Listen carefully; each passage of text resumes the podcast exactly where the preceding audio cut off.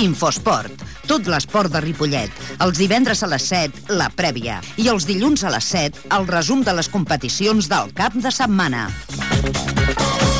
Infosport segueix tots els clubs i atletes. La informació de l'esport de Ripollet a Ripollet Ràdio, amb Ramon Argenter. Jugues?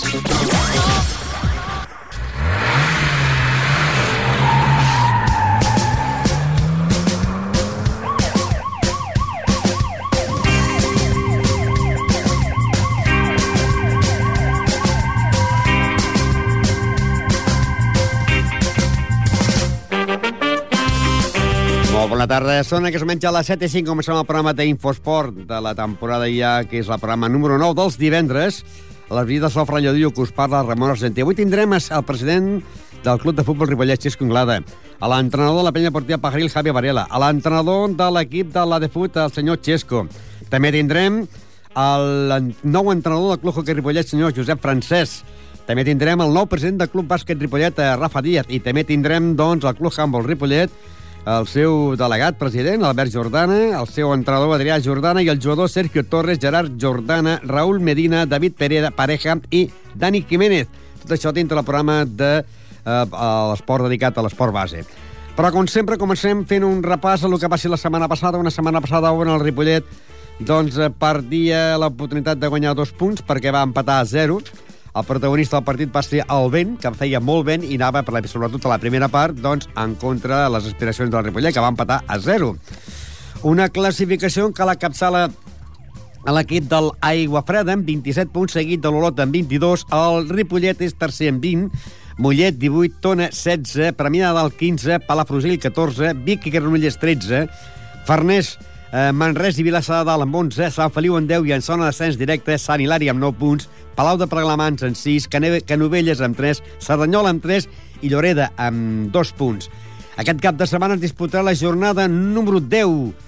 El Palau rebrà la visita del Manresa, el Vilassar jugarà contra el Palafrugell, el Tona contra el Canovelles, l'Olot contra el Sant Hilari, el Garnollers contra el Sant Feliu, el Lloreda contra el Vic, el Santa Coloma de Farners contra l'Aigua Freda, el líder, el Saranyola contra el Mollet del Vallès i el diumenge a partir de les 12 la Premià de Mar rebrà... Premià de Mar no, Premià de Dalt jugarà contra el Club de Futbol en Ripollet. El senyor Cisco Inglada, president del Club de Futbol Ripollet, diu sí, sí, aquest pròxim partit el Premià de Dalt. Difícil, com tots, és que jo no vaig...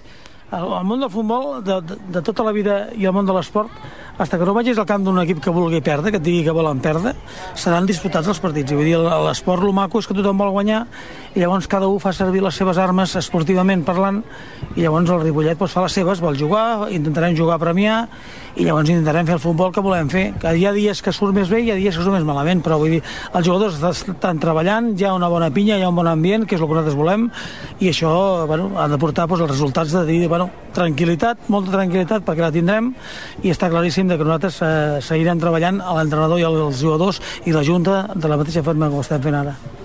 I passi que passi a premiar el segon partit a casa, el Serranyola. Qui s'hi ara ells serà ells, no? Potser, degut a la classificació que anem. Bé, jo, jo estic, estic dient de fa molt de temps que el Cerdanyola mm, se salvarà. És un equip que ha de salvar la categoria per pressupost, per jugadors, perquè té un gran entrenador que coneix la categoria. I llavors això potser està pagant una mica la novetada. I, i què passa? Que, que quan entres en una dinàmica dels primers partits de, de perdre els jugadors surten al camp amb la por de perdre no amb les ganes de guanyar, amb la por de perdre.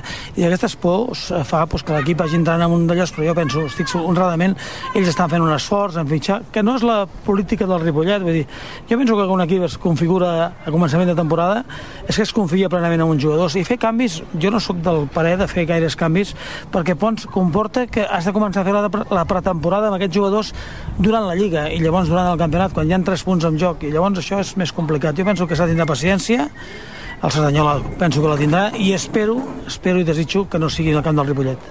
És sorpresa que l'Aigua Freda sigui el líder?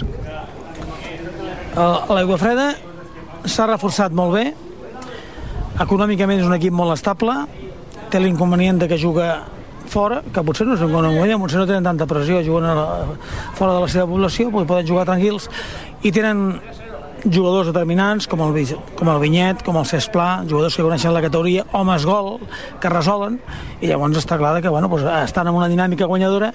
I ja veurem quan comença el mes de desembre i tot això, a veure les lesions si es respecten, cosa que nosaltres ens està, tampoc ens respecten perquè el tema de Mayoral és un tema preocupant per nosaltres, un home creador, un home de, per mi el millor, el millor mig centre de la categoria i no podem comptar amb ell. I llavors, quan a l'aigua freda entrem en aquesta dinàmica d'aquestes lesions, que no és que les desitgi, sinó que pot, pot ser que passi, doncs ja veurem com, com desenvolupen el joc llavors. Futbol, futbol, futbol. Les paraules de Xisco Inglada, el president del Club de Futbol Ripollet. I aquest cap de setmana hem de dir que la, a l'equip de la de Fut va jugar un partit que tenia pendent, aplaçat contra el Roureda, el va guanyar per 2 a 1, en gols de Rubén i de Felip, i és segon a la Lliga. Atenció, perquè és segon. Primer, a la, el júnior amb 17 punts, seguit de la de Fut amb 15, Penya Partida Pajaril 13, Mirasol 13, Partino, La Farga i Diagonal amb 12, la Llagosta 11, Penya Blauna Sant Cugat 11, Roureda 9, la Fundació 9, Santa Perpètua 7, Sant Cugat 7, Esdila, que ocupa la plaça número 14 amb 7 punts, el Nou Vallès amb un punt i el Mollet amb 0 punts. Aquest cap de setmana doncs a l'Esdila jugaria contra la Santa Perpètua, a la de Full contra el Nou Vallès i la penya de Partida Pajaril al camp de la Fundació. Eh, hem de dir que la setmana passada, com deien, doncs, el Nou Vallès va empatar a dos amb l'Esdil, amb un empat a dos. La penya va guanyar per la mínima 1-0 la penya del Barona Sant Cugat. I el, la de Fut va guanyar el camp del Diagonal 0-3 i el dimecres van jugar el partit atreçat a de Fut 2, Raureda 1. Anem a recordar les paraules del, del president, no, sinó de l'entrenador del club de futbol, la penya partida Pajaril, Javi Varela, que doncs, aquesta setmana, en principi, tenen un partit eh, miqueta, jo crec que fàcil. Bueno, en principi, jo com dit, mm, aquí en aquesta categoria hem d'anar sempre amb molta humilitat i qualsevol equip hem de saber que som capaços de guanyar a qualsevol i també aquí som capaços de perdre a qualsevol. És a dir, per equip i per jugadors, en principi sí, haurien de guanyar. El que passa que són condicionants, aquesta gent a jugar al camp de Polinyà, a terra, és un camp de, de terra, eh, les pilotes allà són, són mi casa, i aquesta condicionant sembla que no, però també ens merem una, una mica amb el, amb el joc que nosaltres tenim, no? la qualitat de, de, de, de jugar a la xespa i de fer, el que passa que, bueno, a priori sí l'hem de treure, l'hem de treure i, i bueno, treballarem tota la setmana per això, per portar-nos als tres punts. I aquesta, aquesta setmana també hem de dir que la de Fut, doncs, eh, eh us ha fet un favor, no?, perquè va guanyar 0-3 a camp del Diagonal, un Diagonal que anava segon amb 12 punts. Sí, bueno, a veure, la de FU està fent el que ha de fer, que és guanyar els seus partits, intentar mantenir-se dalt del tot, i la de FU té equip, té equip de sobres per intentar, mm, no vull dir la paraula a lo millor màgica, no?, però com a mínim està dalt tot l'any, sí que ho pot fer tranquil·lament. A veure, també el Diagonal és, és bon equip, però és bon equip al, al seu camp. Diagonal, veritablement, tampoc no ha jugat menys la, la penya blaugrana no ha jugat tampoc en, en cap de, dels de dalt, no? Però bueno, és un equip que, que també et pot donar, pot donar problemes en un moment donat. La de fuga de fer el que està fent, guanyar els seus partits, ficar-se a dalt i, bueno, a veure què passa en la Lliga, que sembla que no es trenca, que aquí tothom s'agafa a dalt. I ara esteu a dalt, esteu, en aquest, en aquest cas esteu a segona posició, amb 13 punts. Sí, estem segons, però, però és el que et dic, no? O sigui, mires la taula i, i l'once em sembla que el tenim a 3 punts. Sí. o sigui, que és una, una classificació una miqueta virtual, i també hi ha equips que tenen partits menys, i és una miqueta virtual perquè d'aquí a 4 o 5 setmanes quan penso que a lo millor es veurà una miqueta si es trenca o no es trenca això, perquè si no, si continuem amb aquesta línia, aquesta lliga no acabarà mai. Perquè, esclar, quan vagin enfrontar entre equips entre Júnior, Diagonal, la Llagosta, la Penya Blaugrana, Penya Partida Pagaril, Mirasol, Exacte. Bartino, inclús la de Fut, perquè s'ha col·locat en 12 punts, eh, un o altre ja quedarà desmancat, no? Exactament. Aquí venen aquests enfrontaments. Nosaltres, eh, allò de dir, per dir, per dir, amb tota la humitat, que sigui un equip així mm, complicadet de cara a lluitar, ens quedaria la de Fu i el Mirasol. Els altres els hem inventat, la Llagosta, la Barcino, el Sant Cugat, la Penya Blaugrana i el Júnior del primer partit que van perdre. O sigui, gairebé tampoc no ens queda una cosa exagerada, no?, per a dir. Futbol, futbol. Ah, clar, aquestes paraules les manteníem el dilluns eh, quan eh, feien el, el partit que havien jugat, no? Però, clar, aquest dimecres, com que la de Fut va guanyar el Roure de 2 a 1, ara el que és eh, segon no és la penya, sinó que és l'equip de la de Fut amb, amb 15 punts. Perquè doncs, va guanyar, eh, clar, amb una jornada ha guanyat 6 punts, no? Anem a recordar les paraules també del seu entrenador, Xesco, que, clar, li deia que en principi eh, podrien ser 3 punts més, perquè aquesta setmana rep la visita del Nou Vallès, un Nou Vallès que ocupa la plaça número 15 només amb un punt, no ha guanyat cap partit. Però ell diu que, bueno, sí, que hi ha partits difícils, però que no tots són fàcils, no? Sí, bueno, fácil es... No hay ningún equipo. Tú Ya, pero jugáis en casa, van los Sí, penúltimos... sí, a ver, la teoría es esa, la teoría es esa. Pero no nos podemos confiar ni mucho menos, porque por un salir relajados o con, con confianza o algo, perdemos algún punto y luego ahora nos tienen que venir los equipos fuertes. ¿eh? Bueno, maneras, lo importante es ir puntuando, ¿no? Si vais puntuando, Exacto, luego... vamos partido a partido y poquito a poquito a ver hasta dónde podemos llegar. Que nuestro objetivo desde el principio de temporada es mitad de la tabla. Y, Todo lo que consigamos más arriba, pues un éxito. Y quizás eh, todavía eh, pod- se pueden incorporar algunos jugadores más, ¿no? En ese equipo. Eh, estoy intentando fichar a un jugador. La verdad es que sí, pero un poco más ficharemos, ¿eh? porque la plantilla está bastante ¿En, compensada. en qué puesto? ¿Para jugar a qué puesto? Es un chico para jugar arriba. Arriba, la delantera. Para Sí, que marque sí. goles con, con Peri Áñez, ¿no? Sí, para tener más gol. A ver, tenemos, a ver, el Periáñez mete más goles porque al jugar en punta a punta, y entonces se, se aprovecha del trabajo de sus compañeros que dura y aparte de la calidad que tiene.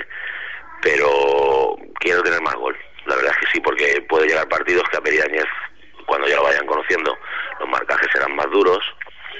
Y entonces, para poder entrar por otro, por banda, por otro sitio, para, para tener más, más opciones de ataque. Pasa que mucha gente y quizás se confía porque, claro, eh, eh, mucha gente se conocían, ya conocían el estilo de las dos dos temporadas, pero en cambio la de fútbol, claro, el primer año de presentación no lo Claro, conocía nadie, ¿no? Esto ahora en la primera vuelta nos va a pasar. Pero yo estoy convencido que en la segunda vamos a tener más problemas porque, claro, los equipos que ya se han enfrentado a nosotros, el Mirasol, por ejemplo, cuando vino a jugar aquí, no había jugado contra nosotros nunca. Es un equipo que el año pasado también quedó arriba y yo creo que lo sorprendimos un poco. Y yo supongo que cuando vayamos a casa del Mirasol tendremos muchos más problemas aquí y eso nos pasará con la mayoría de los equipos. Bueno, lo importante es la primera vuelta que no os conoce nadie. Si vais sumando puntos fuera y puntos en casa, todos lo tendréis para la segunda parte ya, ¿no? Pues sí, sí. A ver, los puntos que ya tenemos, eso ya Doncs bé, aquesta setmana poden tenir 3 punts més. Doncs recordeu, el món de futbol, el diumenge a les 12, premiada del Club de Futbol Ripollet, el dissabte a les 4 de la tarda és Dila Santa Perpètua, el diumenge a les 12 a Foot Nou Vallès i el dissabte a dos quarts de vuit la Fundació Penya Deportiva Pajaril. I ara anirem ja al món del futbol sala. Futbol sala. Futbol sala. Un futbol sala a Ripollet que la primera nacional la setmana passada en gols de Sergio de Juanele i de Juanito, doncs eh, Sergio, que era els faltants segons per acabar el partit, eh, empataven a 3 al camp del Barça, a la pista del Barça, líder de la competició. El Barcelona és líder amb 30 22 punts, seguit de Vilassar de Mar amb 22, Corbera 21, Hospitalet 19, La Unió 13, Brises Esport 13, Esplugues 11, Ripollet ocupa la plaça número 8 amb 11 punts, Bar Micasa 10, aquest Bar Micasa és un equip de Sant Vicenç dels Horts, Premià de Mar eh, 9, Canet de Mar 8, eh, Cacerres eh, 8, Mataró 6 i en zona de descens directe Escola Pia, Sabadell amb 6 punts, Gavà amb 3 i el Inca amb 0 punts.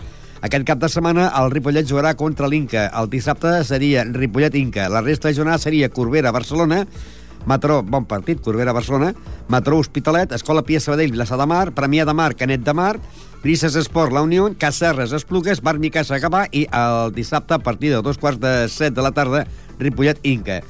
El Ripollet, com dèiem, doncs ve d'empatar al camp del Barça per un empat a 3, mentre que l'Inca ve de perdre de casa seva 0-11 davant del Mataró. I l'Inca ocupa la plaça número 16 de la competició i encara no ha guanyat cap partit. Pel que fa al món del futbol de la categoria futbol sala preferent, el Ripollet, l'equip B, doncs que va jugar la setmana passada i va guanyar 8 a 2 al, al Gornal Guadiana, amb un gol de Cristian, que quatre de Sergio, un de Marc Álvarez, un de Javi i un d'Isaac.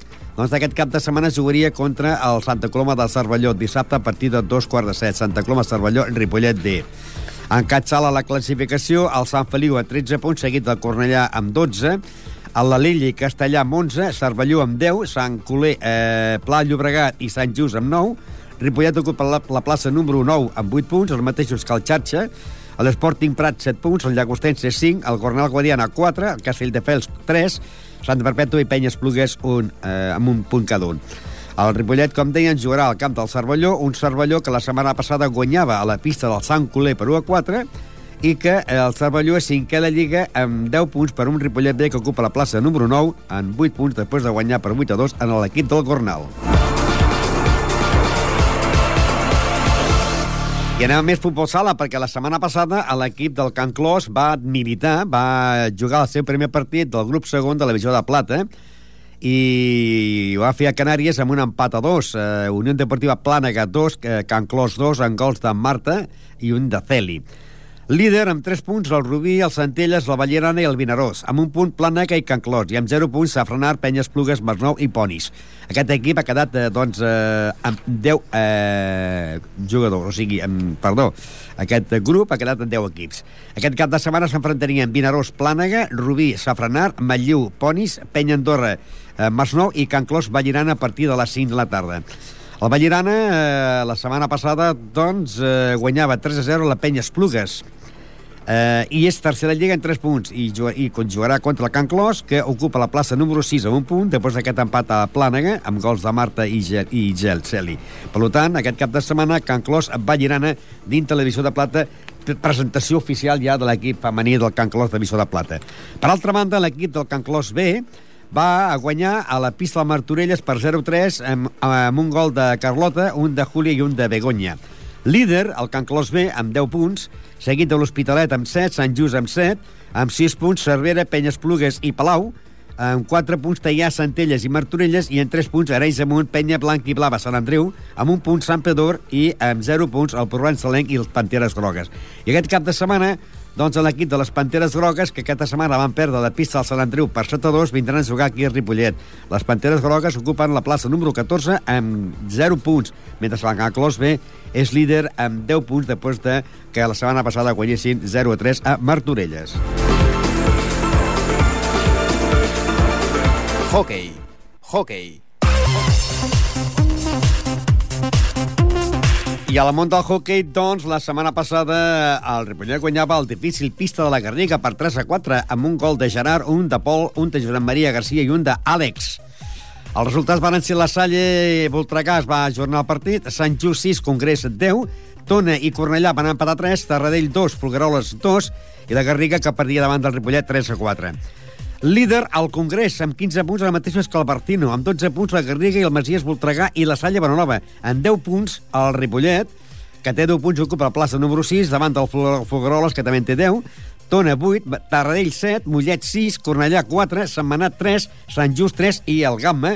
Aquesta Navarcles ocupa la plaça número 14 de, amb 0 eh, punts.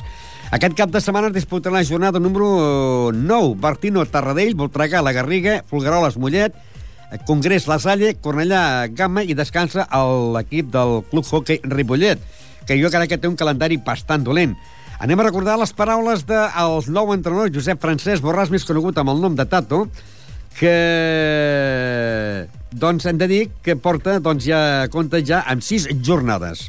Sí, compta que ara ja portem sis jornades i jo crec que fins que no en portem unes 12 no veurem ben bé qui són els equips que estan a dalt, eh?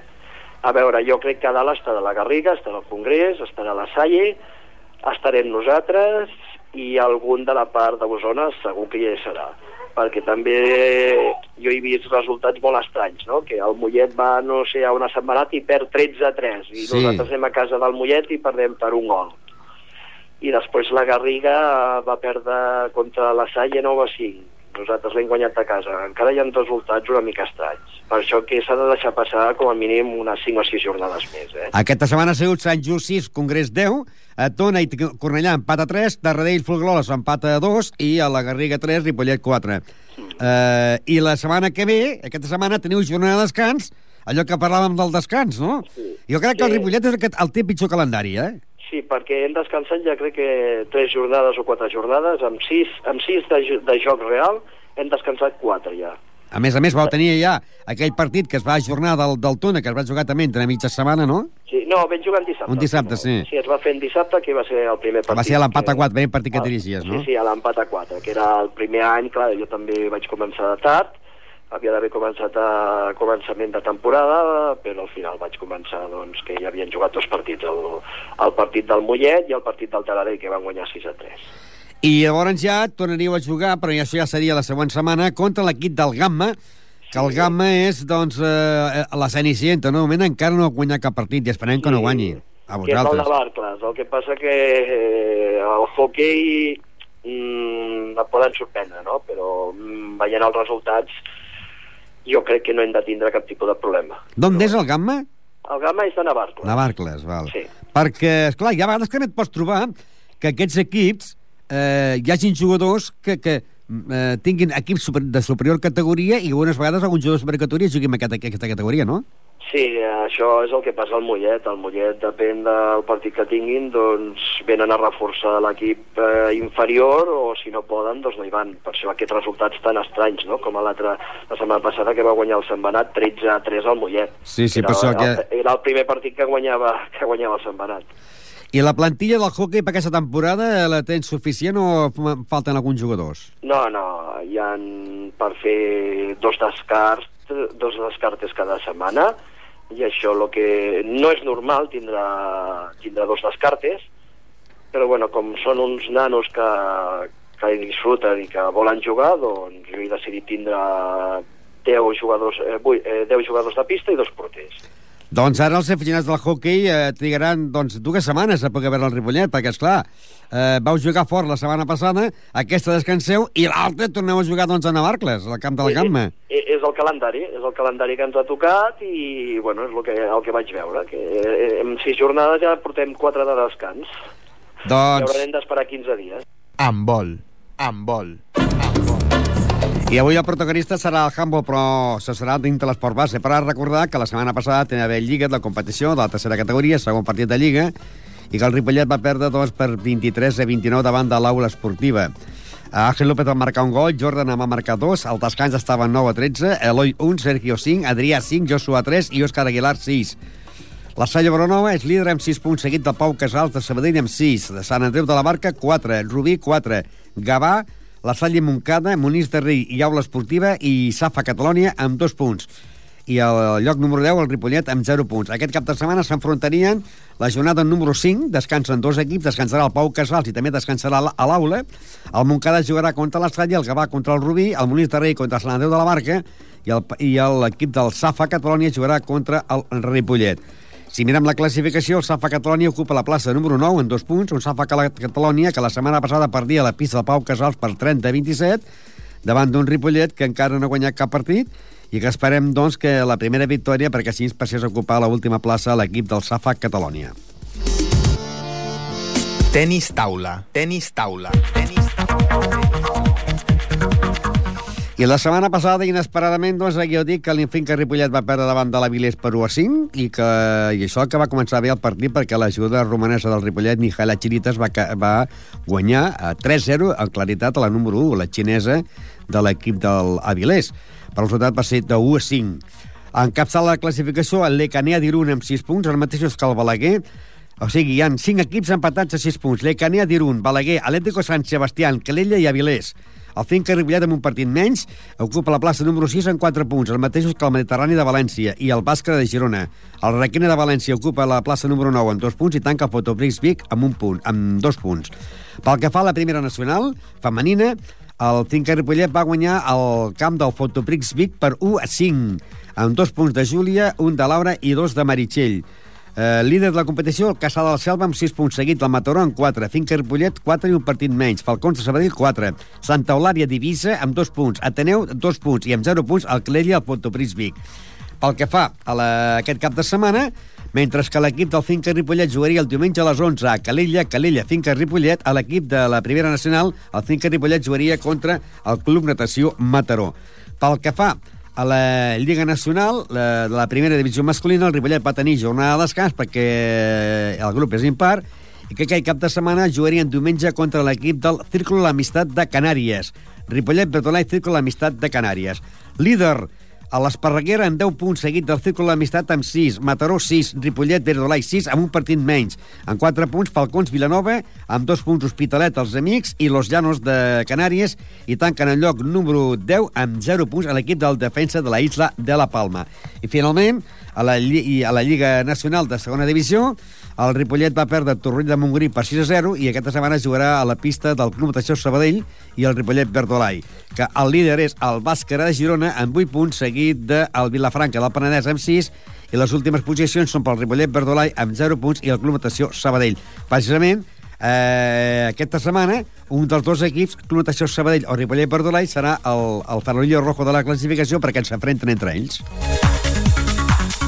Bàsquet. Bàsquet. Bàsquet. I anem al món del bàsquet, però abans hi anem a recordar les paraules de Josep Francesc, el, perdó, de Rafa Díaz, Josep Francesc és l'entrenador del Club Hockey Ripollet, Rafa Díaz, que aquest cap de setmana doncs, estava molt content perquè estrenava moltes coses. Primerament, s'estrenava com a president, un president que haurà d'estar durant sis anys eh, dirigint el Club Bàsquet Ripollet després de la dimissió ja de Raül Mogues.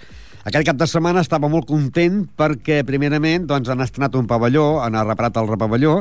Eh, primerament, van estrenar el que era el parquet. La setmana passada estrenaven vestuaris i, a més a més, va estrenar Victòria. Anem a recordar les paraules de Rafa Díaz. M'ha agradat molt. Avui ha sigut una, un estreno de la meva presidència i han jugat, no sé si ha sigut per això, però han jugat de meravella. amb Un bon partit i he disfrutat, he disfrutat molt. Potser no vaig disfrutar tant la setmana passada a Badalona, no? Bueno, és una cosa que és el joc. Però ara jo crec que sí, que aquest equip té molt, molt, molt futur i, i aquesta temporada jugarem, jugaran molt bé, millor encara que el que està jugant ara i disfrutarem molt amb ells. Nou president, per quants anys? Home, no ho sé. No ho sé. Això com els polítics, cada quatre anys o no? Cada sis. Cada sis anys. Però espero que, bueno, no ho sé, jo, és, és, jo no... Crec que lo que, lo que s'ha de fer no és d'una presidència, això és jo, juntament, juntament amb altres, i tots junts fem una, una junta, tots junts hem de treballar, i els 10 minuts d'un, els 10 minuts d'altres, i hem de treballar per club i per bàsquet de Ripollet, de la casa de Ripollet. El primer equip que juga la Copa Catalunya han guanyat ara, eh, està a la meitat de la classificació, molts pocs punts del líder, però potser el problema és l'equip B, no?, que va a última hora de la Lliga.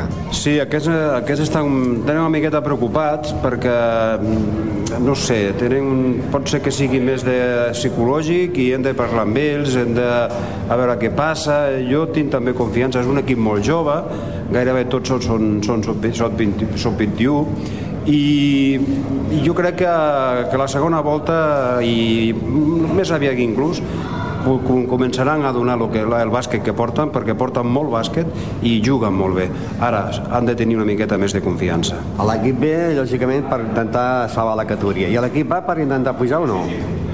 a veure, si és possible sí.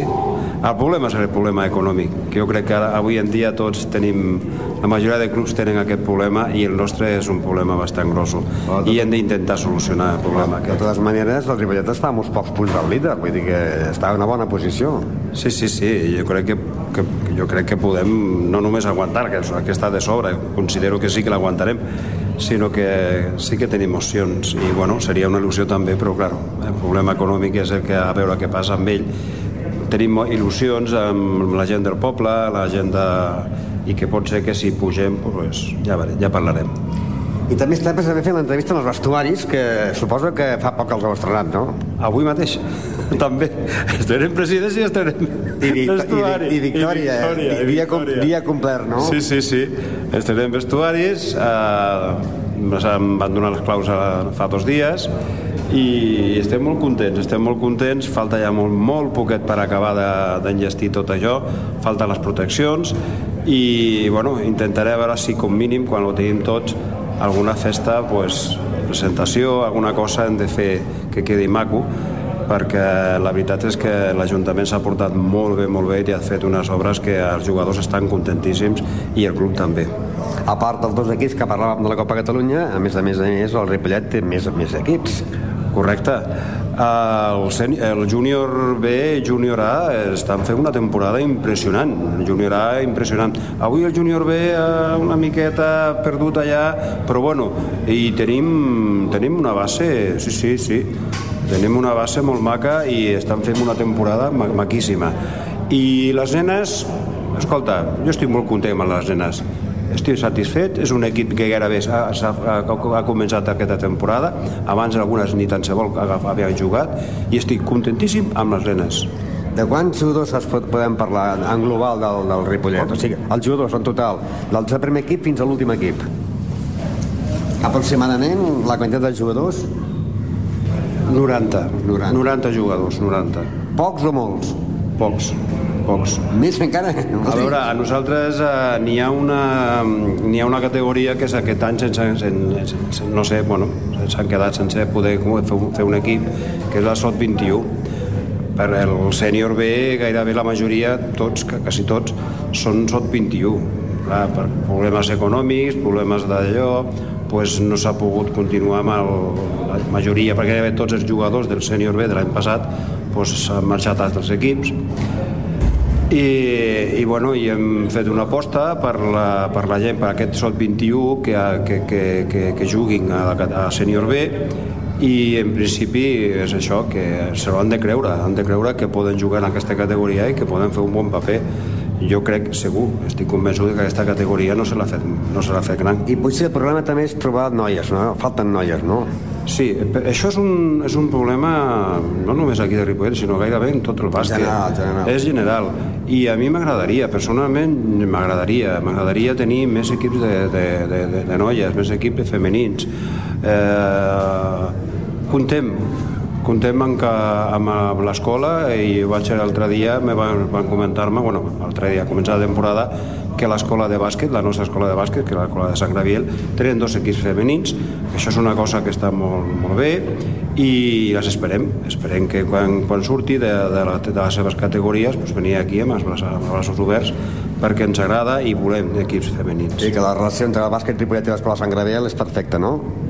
Perfecte, perfecte i, i hem d'intentar que sigui el millor possible per bé del bàsquet del bàsquet de Ripollet, bàsquet d'aquí de Ripollet perquè tenim molts nanos per jugant per, per altres equips i a mi personalment m'agradaria que aquests nanos tinguessin, poguessin venir. Jo vaig quedar encantat, encantat de, del torneig del 3x3 de Festa Major, que la majoria dels nens, que, dels nanos que estaven jugant a les 3x3 eren de Ripollet i una, i una, una, una, una categoria de bàsquet, una, una alçada una, era impressionant. I són nens que estan jugant, nanos que estan jugant fora, i ens agradaria que, que poguessin venir aquí, també a jugar a la casa, a la seva casa. Bàsquet. Bàsquet. Doncs bé, el president, nou president que estava molt content perquè, doncs, a més a més, va va guanyar un difícil equip com era el Sant Andreu de Natzaret, que el va guanyar per 83 a 69. Un Ripollet que ocupa la plaça número 6 de la competició amb 13 punts i aquesta setmana jugarà contra... Torna a jugar a Ripollet, torna a jugar els dos partits seguits a casa i ho farà davant del bàsquet Sant Adrià. Un Sant Adrià que la setmana passada guanyava el Sant Josep Badalona per 71 a 66. I el Ripollet, doncs, que és sisè a la Lliga amb 13 punts, jugarà contra el Sant Adrià, que és cinquè a la Lliga, també empatats a 13 punts. Pel que parlàvem de l'equip B, doncs té un partit atrasat i va en el lloc número 16 de la competició amb, 7, eh, amb 8 punts. Un Ripollet que va perdre davant de l'equip del Parets per 49 a 77. Un Ripollet que aquesta setmana jugarà contra eh, l'equip del Badalonès, eh, Badalonès Montigalà. Eh, el partit començarà a dos quarts de sis de la tarda. Un Ripollet que, com dèiem, va perdre davant del Parets per 49 a 77 i que ocupa la, el lloc de descens directe. El Parets eh, va venir a Ripollet i, lògicament, va demostrar que era molt superior. Un Parets que va a les primers llocs de la competició, ja que el Parets és vuitè. Aquest cap de setmana, com dèiem, Ripollet B, Badalon, eh, Montigalà, Badalonès, Montigalà. Eh, a la Montigalà, Badalonès ocupa la plaça número 4 de la competició amb 14 punts davant d'un Ripollet que ocupa la plaça número 16 amb 8 punts. Per altra banda, l'equip del Gasó Eh, l'equip del Gasó Caixa Girona va perdre a Pallissat davant del Can Sant Joan per 100 a 49 100 a 49, mentre que el Lavell Gasó va guanyar el Badalona per 67 a 58 Líder, la Vell Gasó, que té 14 punts. I l'equip de la Gasó ocupa la- l'altre equip, l'equip, hi ha dos equips, el Gasó Caixa Girona, la plaça número 7, amb 10 punts. I l'últim són el Martorelles amb 6 i el Setmanat amb 6. Aquesta setmana el Gasó Caixa Girona jugarà contra el Montigalà Badalona. El Gasó Caixa Girona ocupa la plaça número 7 amb 10 punts i l'equip del Montigalà Badalona ocupa la plaça número 11 amb 9 punts. Un Montigalà Badalona que la setmana passada perdia a casa davant del Santa Perpètua per 48 a 55, mentre que el la Vell Gasó jugarà a la pista del Santa Perpètua. El Santa Perpètua, que ocupa la plaça número 10 de la competició amb 9 punts, i un Santa Perpètua que va guanyar doncs, en el Montigalà Badona per 48 a 65. I finalment, en el món del bàsquet femení, hem de dir que el bàsquet femení Ripollet va perdre amb el Tiana 58 a 66 després d'arribar al final amb un empat a 55 i a la pròrroga va guanyar l'equip del Tiana per 58 a 66. Aquest cap de setmana jugaria el dissabte a partir de dos quarts de vuit a la pista del Club Bàsquet Llinars del Vallès. Llinars del Vallès, bàsquet femení Ripollet. El líder és el Ronsana, que té 11 punts, el mateix que Llavaneres. I el Ripollet femení, que té un partit menys, només n'ha jugat que 3, ocupa la plaça número 11 amb 3 punts i per sota té l'equip del Tiana precisament amb 2 punts. L'únic partit que ha guanyat el Tiana és precisament aquí a Ripollet. I aquest cap de setmana, com deien, jugarà contra el Llinars, el Llinars que va perdre a casa davant del Llavaneres per 38 a 63 i l'equip del Llinars és novella Lliga amb 6 punts. I com dèiem, doncs, aquest partit començarà a partir del dissabte a dos quarts de vuit, Llinars, bàsquet femení. Ripollet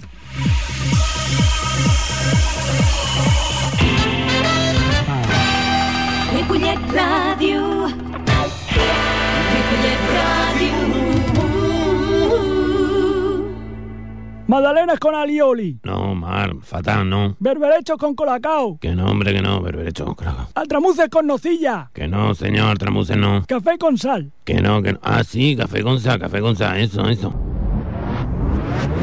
Todos los miércoles en riguroso directo de 8 de la tarde a 10 de la noche. Escucha el programa menos serio de Ripollet Radio. Uy, perdón. ¿Y eso? Que repite. Es verdad, amigos, los sábados repetición del programa de 12 del mediodía a 2 de la tarde en la 91.3 FM. No, si yo decía las magdalenas con alioli. Eres tontísimo, Dios mío. De lo más tonto que he visto. El sonido desde los 80 tiene un sitio cada lunes en la 91.3 de la FM. Desde las 6 a las 7 de la tarde viajaremos en el tiempo. Los éxitos más importantes en el gramófono. ¿Te apuntas los lunes de 6 a 7 de la tarde? Soy Paco Soriano.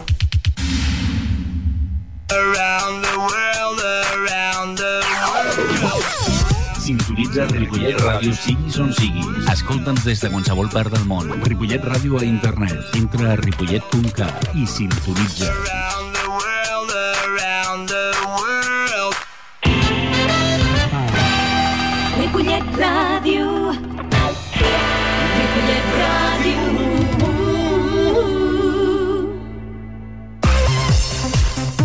Y comenzamos ya dentro de l'esport base y tenim allá Norma y Miguel. Miguel, buenas tardes, buenas noches. Hola. Bueno, ahí handball, ¿no? Sí, sí, esta vez toca handball, hemos cambiado de balón. La semana pasada fuimos al municipal Joan Creus a ver el partido contra, del handball Ripollet contra el Safa Horta, pero esta semana en vez de hacer el primero corte del montaje, escucharemos al, al presidente, Gerard Jordana, que nos contará cómo empezó todo esto del equipo de handball hace solo cinco años. Mira, este equipo surgió de que yo estaba de coordinador en el colegio Clavé, es el Clavé, y estos niños todos jugaban a fútbol sala, ¿vale? Y dijimos, "Oye, ¿por qué no probamos a balonmano? Entonces ese año eh, jugaban a fútbol sala y hicimos una liviente de balonmano. Y el primer año eh, no habían jugado nunca, pero bueno, nos apuntamos en el consejo nos apuntamos en el Consell de Sabadell y bueno, íbamos todos los partidos a Sabadell a jugar. Eh, quédate esto, si un caso lo volvéis a sortear. ¿Y, y dejaron el fútbol sala No, no, no, no, siguen jugando todos a fútbol sala porque este el fútbol, el fútbol sala empezaron a jugar, de, eh, Rubén, empezaron a jugar en primero con seis años ¿no? y siguen jugando. Se reúnen aquí los miércoles y los viernes, aquí a las 4 de la tarde, entrenan hasta las 5 y a las 6 se van a entrenar a balonmano. Sí que son deportistas Sí, aquí. sí, sí. Y aparte es un grupo muy majo, a ver, eh, nos conocemos todos los padres, todos los críos. Y. ¿Y tenéis pensado hacer también más equipos de la base? A ver, estamos trabajando en montar una escuela de balonmano. Tenemos un, un señor en la directiva, que es entrenador nacional, se llama Pera López, y está empezando a trabajar para hacer una escuela de balonmano. Ha hablado ya con los directores de los colegios, de los institutos y bueno, está trabajando sobre este tema. O sea que en el pueblo gusta el balonmano. A ver, en el pueblo hace 20 años, 20, 25 años, estábamos en Primera Nacional. ¿Y qué pasó? ¿Desapareció? Desa- eh, a ver, pasó que el equipo, el, el equipo ese se formó como ahora en tercera categoría, pero es un equipo que, que venía de Sabadell, que juegan en la máxima categoría, y de allí pues se discutieron con la directiva, lo que fuera, y vinieron aquí. Y estuvimos cinco años sin perder ningún partido. Entonces, a ver, eh, el balonmano subió mucho. Aquí llegamos a tener 13 equipos. En la época que era yo juvenil, después senior, tuvimos, tuvimos 13 equipos, que entre masculino y femenino. Luego, ¿cómo desapareció aquel Pues bueno, porque la directiva que había, pues bueno, se, se cansó, los que se quedaron aguantaron dos o tres años y llegó el momento de que dijeron, bueno, pues no, no seguimos. Y hace cuatro o cinco años nos juntamos ju- jugadores, exdirectivos, y dijimos, "Oye, ¿por qué no hacemos otra vez el equipo? Salga lo que salga, ¿no? Y funciona, ¿no? De momento. De momento sí. Y este año parece que, se, que va a ser bueno. Sí, a ver, tenemos dos equipos, el equipo senior es flojito, pero bueno, lo que nos interesa es los críos. Bueno, ya está. Esto ha sido el, el, el el entrenador. presidente que ha cogido las notas el de, de. Jordi Lleputa es el hacía delegado, delegado y ahora es presidente. Lo que había un error. Jordana. Sí, es Albert Jordana, no Gerard Jordana. Me he equivocado antes. Bueno, claro, es que está toda la familia Jordana. Sí, sí, El es padre, fue, el padre fue uno de los fundadores de- del jalom- del balonmano, Albert Jordana, eh, el Adrià Jordana y Gerard Jordana. Están el padre, los hermanos, el abuelo, están todos metidos. Sí, ahora, pues, ahora sí que escucharemos el resumen del partido y así es como fue el partido. Buenas, son las 6 y 25 de la tarde y estamos en el Polideportivo Joan Creus, donde juega el club de handball Ripollet contra el Safa Horta. Así es, y parece un partido complicado, porque los de Safa Horta van primeros en la clasificación, aunque también hay que decir que los del Ripollet van cuartos, o sea que nada está perdido. No, no, claro, pero sí que tienes razón que jugar contra el primero siempre impone un poco. Bueno, vemos a los jugadores que entran en el terreno de juego ahora mismo. Sí, eso parece, y mientras ca- calientan vamos a recordar la alineación del Ripollet. Arnau Sintes, Sergio Torres, Marc Fernández, Pablo del Pozo, Alejandro Pérez, Carles Vera, Gerard Jordana, Carlos Rodríguez, Daniel Jiménez, Sergi Martínez, Raúl Medina, Rubén Hernández, Héctor Alcaraz y David Pareja. Todos ellos bajo las órdenes de Adrià Jordana, que es precisamente el hijo del presidente y hermano de juego donde se disputa el partido. Llevamos cinco minutos de la primera parte y hemos visto a un Ripollet, la verdad que muy ofensivo. Sí, sí, tanto que a los 30 segundos de la primera parte ya intentaba su primera ocasión de gol. Y llevamos 5 minutos y medio y, y el Ripollet ha marcado ya 3 goles, 3 a 0. Parece que no, que no es el líder, vaya. Sí, sí, el Safa, ni- como tú decías, ningún gol. Y supongo que por eso su entrenador acaba de pedir tiempo muerto a los casi seis minutos de la primera parte. Es que han sido tres goles del Ripollet y dos ocasiones más. Poco a poco el Ripollet se ha ido alejando del Safa y parece que esto Bueno, no después de los primeros minutos en el que el Ripollet llevaba la sartén por el mango, el Safá Horta ha renacido y en 10 minutos, poco a poco, ha empatado con el Ripollet. Pero estos chicos no se van a venir abajo. Sí, estamos en la mitad de la primera parte y el marcador está Ripollet 6, Safa 6. A ver si el Ripollet puede hacerse otra vez con el control del partido. Pues sí, seguro que lo hará, porque Safa creo que no esperaba un rival que entrara con tantas ganas y por eso el Ripollet se ha podido adelantar. Ahora lo que falta es que le sorprenda otra vez. Acaba de meter el Ripollet. Pues mira, parece que han oído. Minuto 18 y el Ripollet se adelanta 7 a 6.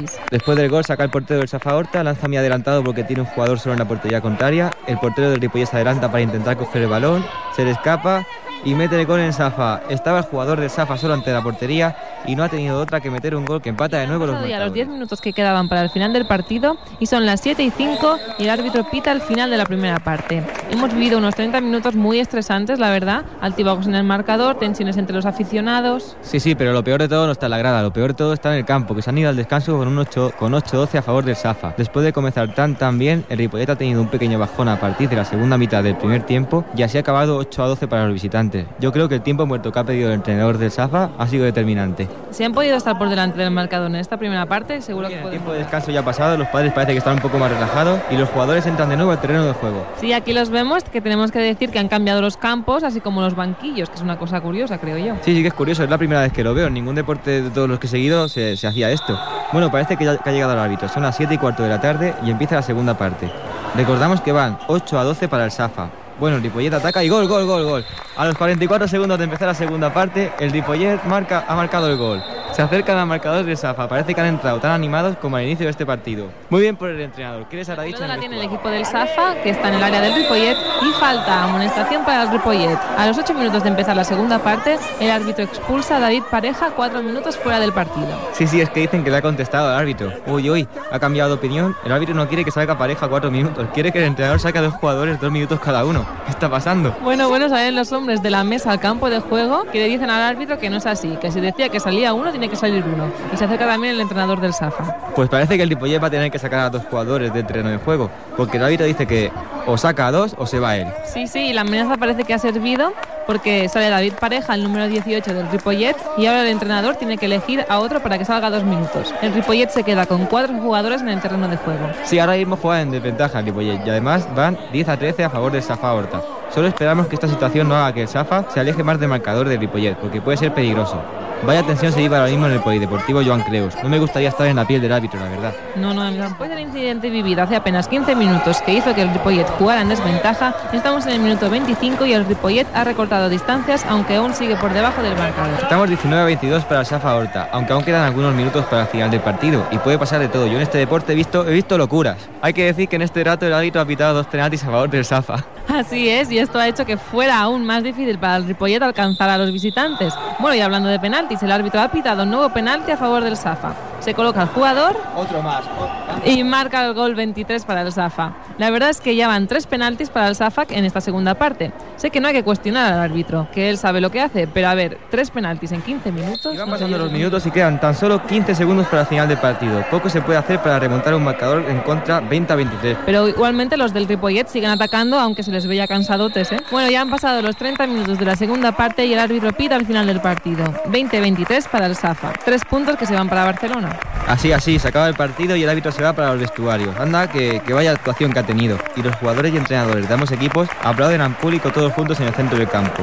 Un gesto muy bonito y merecido porque la verdad es que ninguno de los jugadores de, los- de los dos equipos se puede quejar de la afición. Para nada, tienes toda la razón. Y ahora sí, se queda vacío el campo y vamos a hablar con los protagonistas del partido.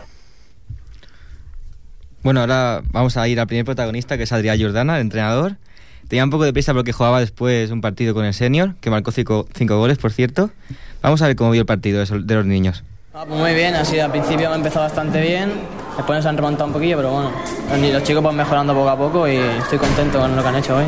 ¿Y qué ha pasado con el árbitro en la segunda parte, que ha habido una pequeña trifulca? Pues te digo la verdad, no lo sé, porque ha pitado, ha excluido unos cuatro minutos, después ha dicho que no, que eran dos a uno y dos al otro, la verdad no lo entendía. Me parece que tampoco lo ha entendido él, pero bueno. Ahí perjudicado vosotros, ¿no? Al final. Un poco sí, pero bueno, son cosas del juego que tampoco pasa nada. Y en cuanto a la afición, piensan que está muy encima. Hombre, aquí el pabellón este, aquí cuando, cuando viene a jugar la gente, la gente chilla y eso, está muy bien, anima a los niños, bueno, lo pasamos muy bien aquí. Es algo que lo agradecen los niños, ¿o Sí, sí, sí, no, no, no, lo agradecen, porque se animan más, se le ponen más ganas, más luchan más, está bien, está muy bien.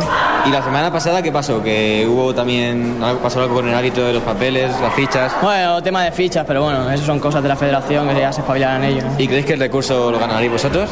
Eso ya no lo sé, eso ya depende del comité y esas cosas. La próxima semana, contra el Barcelona Sanz, ¿cómo se plantea el partido? Pues igual que esta semana, que los chicos salgan fuertes desde el principio, que jueguen bien el balón, que apunten en los tiros, está bien. De momento yo creo que se puede ganar. Y también el jugador del Ripollet, ¿no? Del balonmano. También en el senior ahora. ¿Contra quién jugáis ahora? Ahora contra el aula, de Barcelona. ¿Y cómo va la liga? Pues nosotros vamos último. Pero bueno, le vamos poniendo ganas, poco a poco vamos mejorando, pero bueno. ¿Crees que ganaréis hoy? Yo creo que sí. Le pondremos, por lo menos lo intentaremos. Bien, pues después hablamos con Sergio Torres, que lleva el dorsal número 3 y fue el goleador del partido, con seis goles, cuatro en la primera parte, uno de penalti y dos en la segunda parte. Y escuchamos cómo vio el partido. Bien, el árbitro un poco mal, pero bien. ¿Por qué? ¿Qué ha pasado con el árbitro? Explícanos un No poco. sé, ha, ha visto algunas cosas de ellos que en el, en el nuestro lado no ha visto nada. No sé. Sí, un poco, hemos visto un poco la afición, bueno, vuestros padres un poco irritados con el árbitro. ¿Normalmente es así o...? Sí, a- muchas veces es así. Hay alguna excepción, algunos partidos que no. ¿Y qué, mm, qué creéis que, tenéis que mejorar? O sea, la defensa, a veces estamos flojos y estar más fuertes en defensa. Y cosas que tenéis puntos fuertes, ¿cuáles dirías que tenéis? Jugando con el pivot y, y por los extremos y moviendo el balón rápido ¿De qué juegas? de pivot. ¿Y más o menos en qué consiste esa posición? Pues que me pongo so- sobre el lateral y y aprieta el lateral hacia el medio, entonces me la sueltan a mí y ya está, y meto gol. Tiene que tener también mucha potencia, ¿no? En el brazo. Sí, ¿Cómo te aficionaste a balonmano? Pues porque empezaron a jugar y no sé, me gusta. ¿Llevas mucho tiempo jugando a balonmano? Sí, desde que empezó aquí en Ripollete, empecé a jugar. ¿Cómo esperabais el partido? Un poco más, más, más, du- más duro y eso. O sea, al final no ha sido tanto como parecido. Pero entonces creías que podíais haber ganado. Sí, ¿Y el próximo partido cómo lo veis? sí, podemos ganarlo. Y viendo este partido, si llevamos este, este ritmo, sí. ¿El entrenador os anima de alguna manera? Sí, en los descansos nos dice que podemos ganar y eso nos motiva. ¿Y un mensaje para el siguiente, para el rival de la semana que viene? Que tengan cuidado que vamos a ganar. ¿eh? Ahora escucharemos a Gerard Jordana, que es el hermano del entrenador, y lleva el dorsal número 10. Vamos a ver cómo, cómo vio que el partido estuvo muy disputado. Ha estado bien, ha estado disputado y al final no hemos podido ganar. ¿Qué ha pasado en ese minuto que el árbitro quería echar a uno, no ha podido? No sé, había echado a uno y se ha despistado y ha dicho que había echado a otro y al final nos hemos quedado con dos menos. O sea, habéis ido perdiendo vosotros por un error suyo de memoria, ¿no? Sí. ¿Cómo te aficionaste a este deporte? Mi familia jugaba antes y yo veía el balonmano desde pequeño y me ha gustado desde siempre. ¿Y qué equipo te gusta de la Soval? El Barça. ¿Cuál es tu primer recuerdo que tienes en el balonmano? El primer partido que jugamos aquí en el pabellón, que era era el primer año que jugábamos y perdimos de muchos. ¿Y el mejor? Un partido que fuimos a jugar a Lleida, está, estuvimos, estuvo muy disputado, hemos perdido todo el partido y en el último segundo ganamos. ¿En qué posición juegas? Central. ¿En qué consiste esto? Pues mover al equipo, ver los pases que se pueden dar, cantar, o sea, dirigir al equipo, cosas. ¿Qué mensaje darías al público para que fuera la semana que viene a Barcelona a veros? Porque es un deporte muy bonito, muy disputado siempre y es muy divertido y tendría- tendrían que venir a minimarnos. ¿Y tú juegas también a fútbol sala? Sí. ¿Qué, qué, qué deporte te gusta más de los dos? Los dos me gustan. ¿Qué objetivos te marcas como jugador de balonmano? Pues, yo si pudiera pues llegar arriba del todo, pero es muy difícil. ¿Crees que es más fácil llegar arriba del todo en balonmano o en fútbol sala? No sé. Está, está difícil los dos. Reconozco que me pongo borde cuando. Cuando el árbitro pita lo que no tiene que pitar. O sea que hoy te has puesto un poco borde. ¿Tú eres de los que contesta al árbitro o eres de los que se callan? O sea, me callo bastante. Vale, vale. ¿Y el próximo partido contra el Barcelona cómo lo encaras?